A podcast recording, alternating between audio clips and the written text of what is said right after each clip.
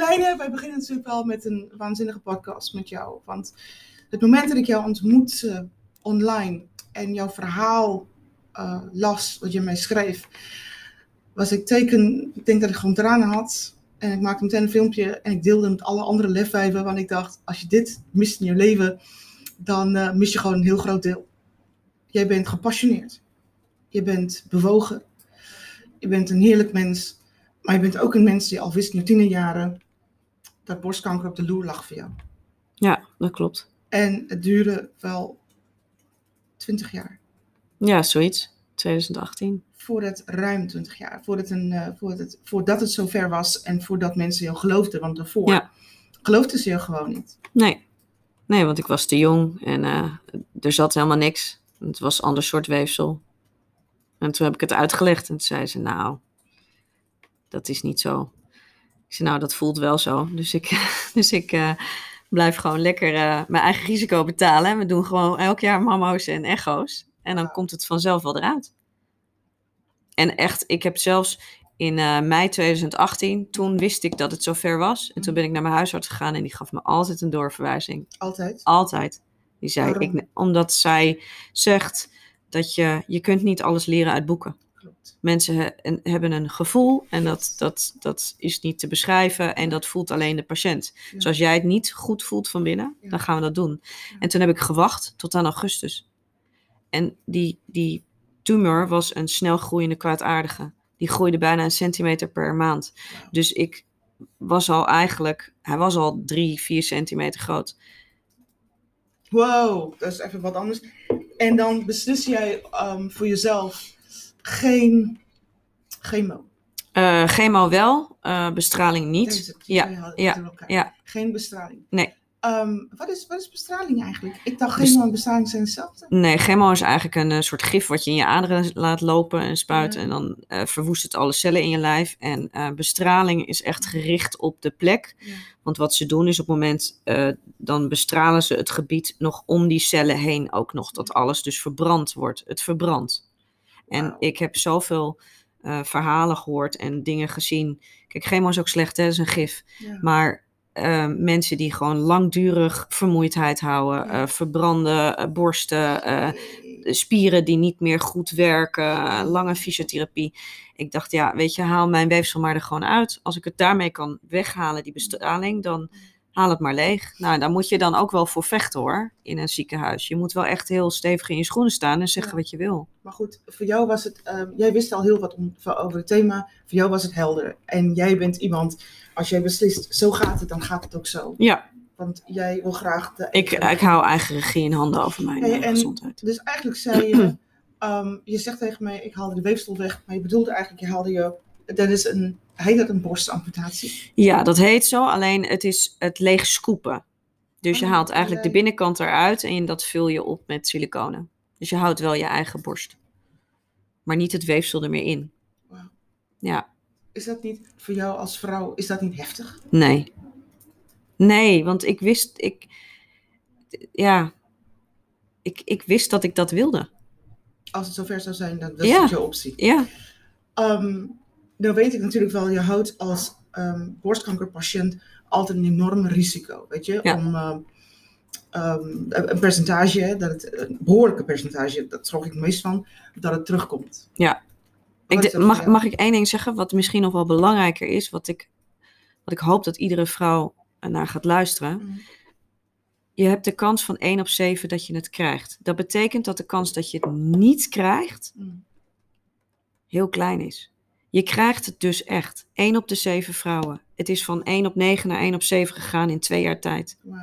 Dus mensen moeten, vrouwen moeten echt veel bewuster gaan checken. Mm. En bij ieder ding wat ze voelen, gewoon gaan. Want te laat is te laat. En uh, uh, dat, ik vind dat echt heel belangrijk. Uh, je moet me even uitleggen, want er wordt miljarden ingezameld voor um, kankeronderzoek.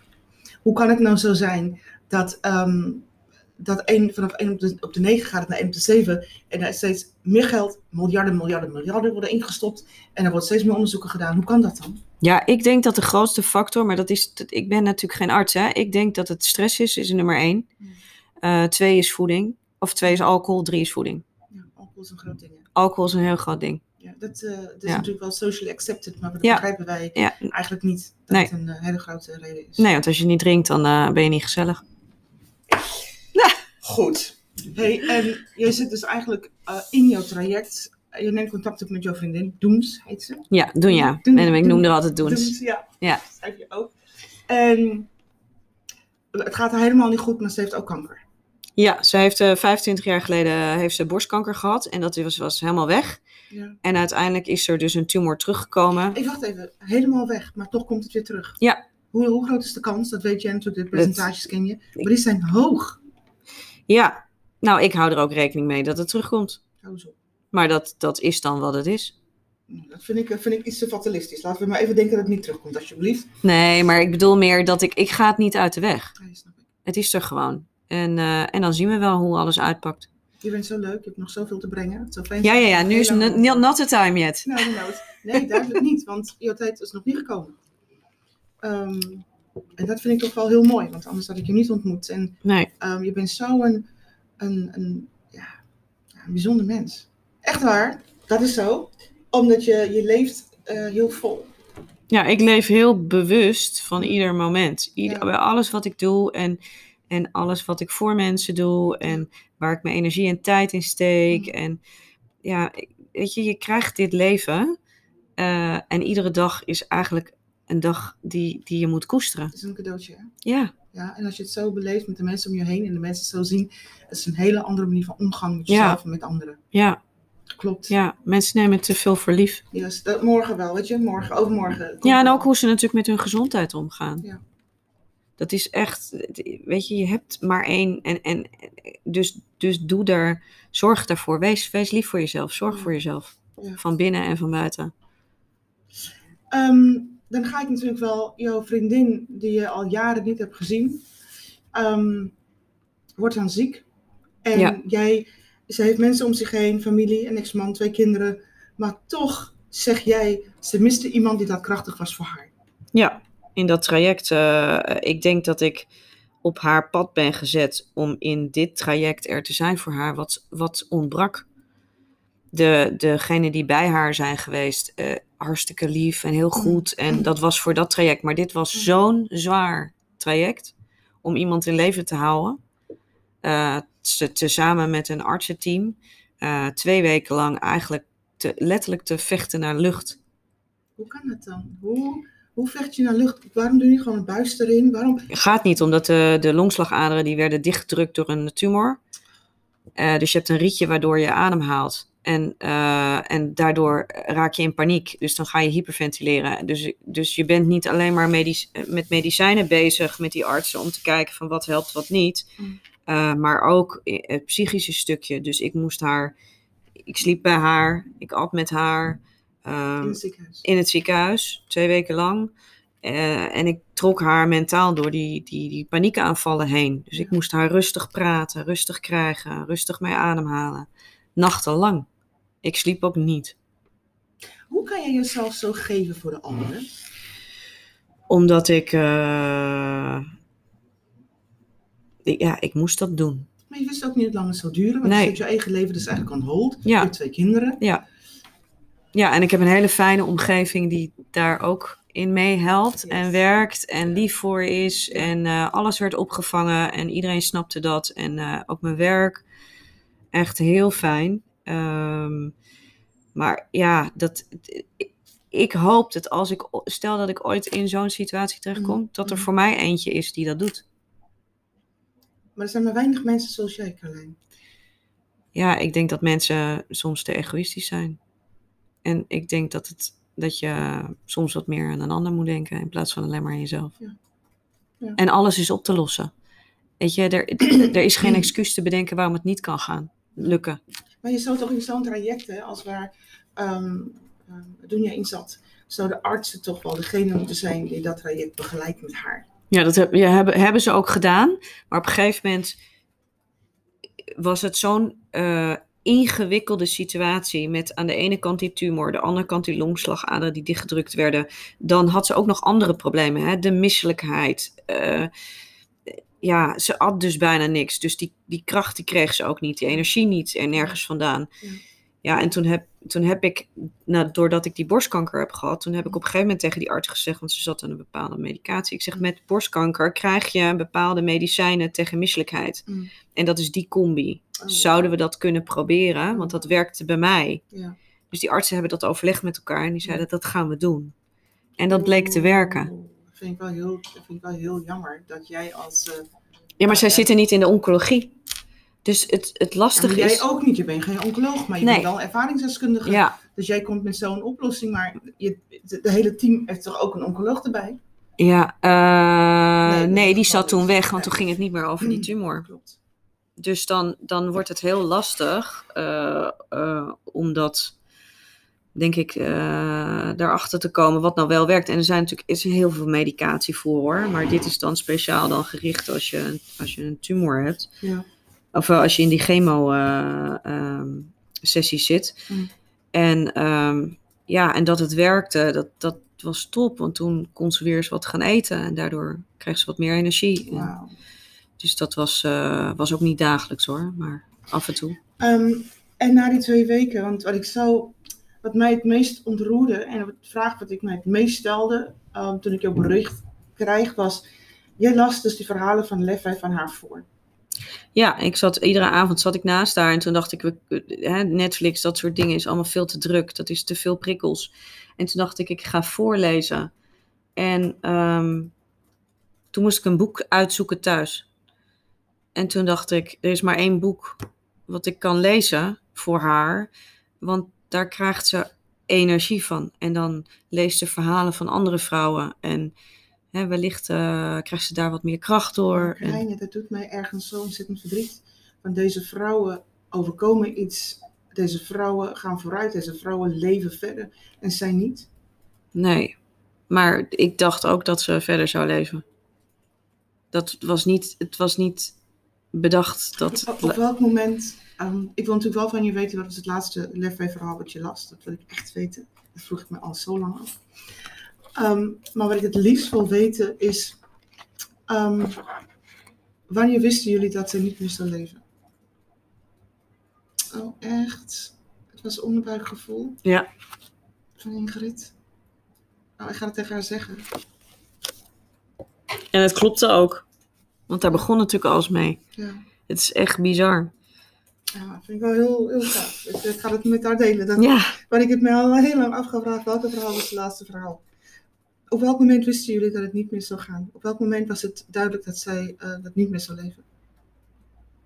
Eh, toen de operatie eh, al geweest was en ik eh, ehm, in het AMC terecht kwam met haar. Mm. En zij kwam uit de operatie, twee stents in die longslagaderen. Mm. En ik dacht dat ze op de IC zou liggen. Mm. Maar zij is niet op de IC geplaatst. Zij is op de eerste harthulp geplaatst. Mm. En ehm, wat ik heel raar vond, maar door corona lag alles vol. En toen ehm, heb ik haar nog nooit zo slecht gezien. Dus ik heb twee weken naast haar zijde gezeten met een heel ehm, eh, minuutje van medicatie die ze kreeg, waardoor ze dus meer lucht had. En ik had verwacht, omdat ik ook doorkreeg dat het allemaal geslaagd was en het goed was gegaan, Ja. dat ze er veel beter bij zou liggen. Ja. Maar het was nog erger. Hoe kan het? Ehm, ja, ik heb. eh, de medicatie is niet doorgegeven. Dus het, het hele opbouw van alle morfines en andere dingen, dat werd onderbroken. Ehm, ik had het gelukkig op papier uitgedraaid. Mm. Dus ik heb die arts geroepen en gezegd: Dit is wat haar minuutje is. Ja. We hebben dat al twee weken helemaal uitgetest. Er Ja. hoeft niet iets nieuws. Nee. Ja, dan komen ze met een ventilator en met een, eh, weet ik veel waar ze mee aankwamen. Ik zeg, te- ik zeg, je moet gewoon die spiegel weer opbouwen, want het, het gaat gewoon niet goed. Ja. Maar het was, ze was, ik, had, ik had haar nog nooit zo benauwd gezien. Ze hing in der, zo'n zo'n hangding boven de hoofd naar lucht eh, te grijpen. En ehm, ik moest haar weer rustig krijgen. En, ehm, en toen heb ik gevraagd van, joh, is er niet iets anders aan de hand? Het lijkt wel alsof er vocht. Ik zeg, ze is zo hard aan het pompen, dat hart. Ik zeg, er gaat echt iets niet goed. En die monitor, die waren allemaal goed. Ja. Maar ik, ja, toen heb ik eh, een bevriend arts opgebeld en ik heb een filmpje gemaakt en ik heb het laten zien. En die zei tegen mij dat er hart eh, aan het ehm, decompenseren was. Vanuit een videobeeld. Oh nee. En toen heb- ben ik daar alarm gaan slaan.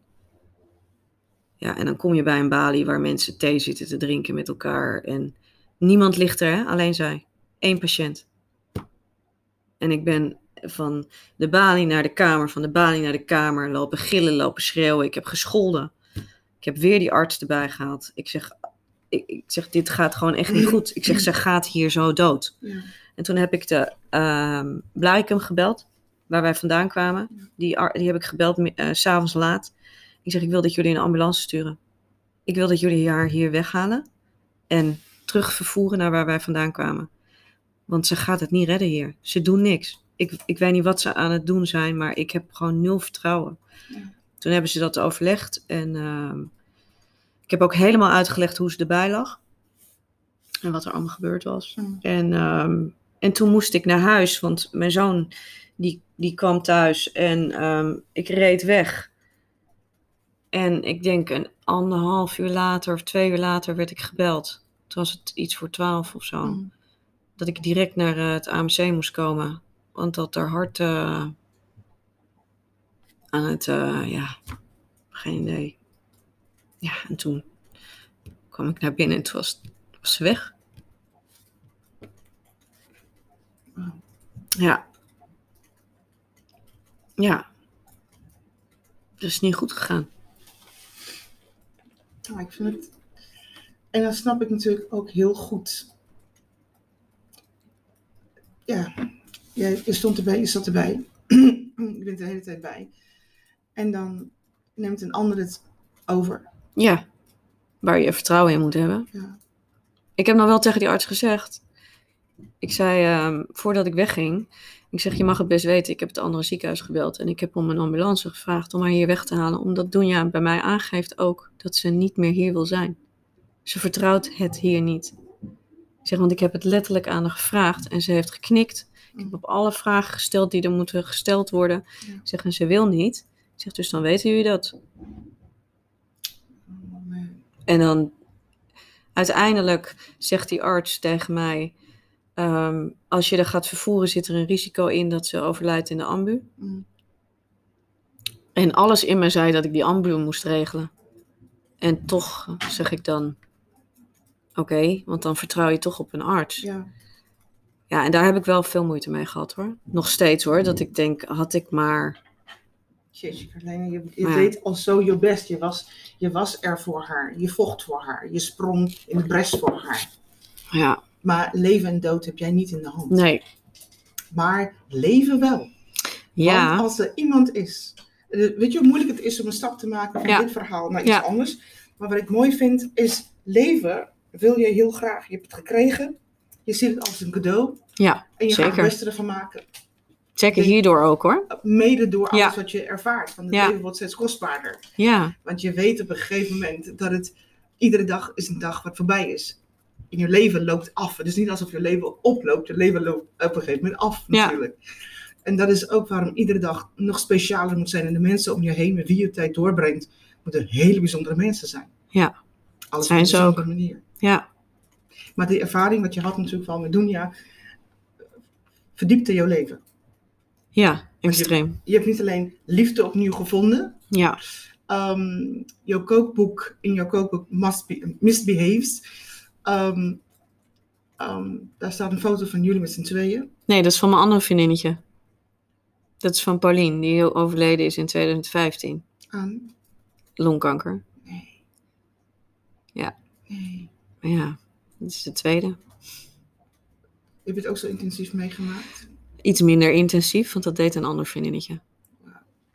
De- zes. en dan heb je, ehm, dan heb je een, begin je een nieuw bedrijf. Ja. En dat is eh, echt heel fantastisch, want je vertelde dat. En doe je het ook met dezelfde hartstocht als, ehm, als alles in het leven? Ja, ik kan, ik kan, eh, het is alles of niets. Ja. En ehm, als ik eenmaal iets in mijn hoofd heb zitten, dan, eh, dan ga ik dat doen. En, en eigenlijk is het het, meeste ge- gebeurt vanuit, ik wil dat mensen eh, met elkaar verbinden. Ik, Waarom het, is dat jou belangrijk? o- omdat ik, ehm, dat, ik heb dat gevoel dat ik daarvoor hier ben. En daar stop je alles in. Ja, Niet ten koste van jezelf. Mm, nee, want ik heb nog steeds energie over. Ik weet ook niet wa- hoe, hoe, hoe ik zoveel energie krijg. Ergens komt het vandaan, het wordt in me gestopt. Maar ik geloof ook echt wel dat er, er is een pad voor je uitgestippeld. En dat is zo bedacht en dat moet ik bewandelen. En, ehm, ja, en het geeft me ook energie, Ja. omdat het alleen maar leuk is. Ja. En iedereen wordt er blij van. En de ondernemers, die lachen en die zijn blij. En Ja. die verbinden ook weer met elkaar. En het is alleen maar mooi. Ehm, want jouw, bedrijf, wat je doet, is wat ik heel mooi vind. Ik ben, eh, ook al ben ik eh, imports, ben ik ontzettend trots op Nederland. Ik ben een beetje nationalistisch. Hè? Ehm, je, je maakt dus eh, drie verschillende boxen. En in die boxen stop je alleen maar high-end, prachtige Nederlandse producten. Ja, ik heb eh, drie, drie formaten geschenkboxen. En ik heb eh, vorig jaar heb ik eh, 21 ondernemers gebeld. Ja. Die allemaal een culinair product hebben. Ja. Maar wel high-end en waar een goed verhaal achter zit. Mm. Dus waarbij ook gekeken wordt naar hoe je met de natuur omgaat. Sustainable. Yes. met heel veel passie en, en, en, en liefde wordt dat Ja, gemaakt. Het is echt bizar wat die mensen maken. Ja, daar geloof ik in. Ik vind het echt fantastisch dat je het doet. En je zei ook caviar uit Nederland. Ja, we hebben Nederlandse caviar, we hebben ehm, Nederlands zout, we hebben Oh, Nederlandse vind ik wel fantastisch. eh, marmelade. Er zijn een aantal die ook prijzen gewonnen hebben over de wereld, wat we niet weten. Dus Ja. het is voor mij van belang dat we niet alleen leren dat Nederland hele mooie producten heeft, en dit is nog maar het begin, Ja, eh, maar ook welke ondernemers erachter zitten. ja, Dat je dat verhaal leest. We hebben een eigen sojasaus waarvoor de Japanners naar Nederland komen om te kijken hoe die jongens dat doen in Rotterdam. kidding, right? Ja. Nou, dat is toch. Ja, ik heb kippenvel van. Dan denk ik, koop dan die producten die misschien iets duurder zijn, Ja, maar geniet van het goede. En het is goed voor je lijf. Hè, beter dan alles wat maar goedkoop is Precies. en makkelijk te krijgen is. Dan Ja. eten we maar wat minder. Klopt, het is een prima oplossing. Ja. Dat is een eh, prima en misschien wel een betere oplossing, Ja. eerlijk gezegd. We zijn toch aan het overconsumeren. Dus, eh, en, en, en geef eens wat bijzonders. Kijk, die geschenkboxen. Hè, ik, ik zit niet in het vaarwater van de andere eh, bedrijven. Ik heb een totaal ander concept. Maar ehm, ja, ik geloof in dat je beter in Nederland je geld kunt besteden. Ja. Waardoor de economie ook weer beter gaat draaien. Zolang je maar uit het buitenland blijft kopen, Ja. ja, houden we het niet hier. ja, maar zijn mensen ook niet bewust van, van wat mogelijk is hier? Niet alleen Nee. van, wat, van wat er is, maar dat er ook zoveel mogelijk is om te ontwikkelen en te ontdekken. En Ja. te, weet je, ik denk, en het, ja, ik, ik, hou, ik hou van ehm, de Nederlandse mentaliteit. Wij mogen elkaar ook supporten en steunen. Ja, Dat, dat mag ook veel meer. Maar het is wel heel vaak zo, merk je, dat mensen, omdat ze zoveel willen hebben, hè, dat Mm. overconsumption, Yes. is, dat maakt mensen egoïstisch. Dus ze gaan dan eerder, hè, ik heb wel eens voorgesteld, waarom koop je niet gewoon je wijnen bij de restaurants als je toch eten bestelt? Ja, die Mm. wijnen zijn zo duur. Ik zeg, ja, maar dan, dan drink je toch minder wijn die week? Precies. Dan neem je één fles wijn of Ja. twee en niet zes. Ja. Dan steun je daarmee je local. Ja. En, maar dat is een mindset. Maar mensen willen dat niet. Mensen zitten zo.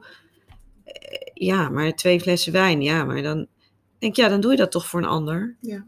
Als je, hè, als je met elkaar voor elkaar zorgt, Ja, precies. dan kunnen we het met z'n allen doen. Ja, maar jij, jij bent iemand die graag voor de ander zorgt natuurlijk. Ja, Wat is, wat is, het, nog, wat, wat is het nog meer? Want ehm, is, jouw vader sterfte toen je heel jong was. ja toen ik 18 was. Wat had hij? Eh, een hersentumor. Wauw. Hey, en dan stel ik me natuurlijk wel de vraag, hè.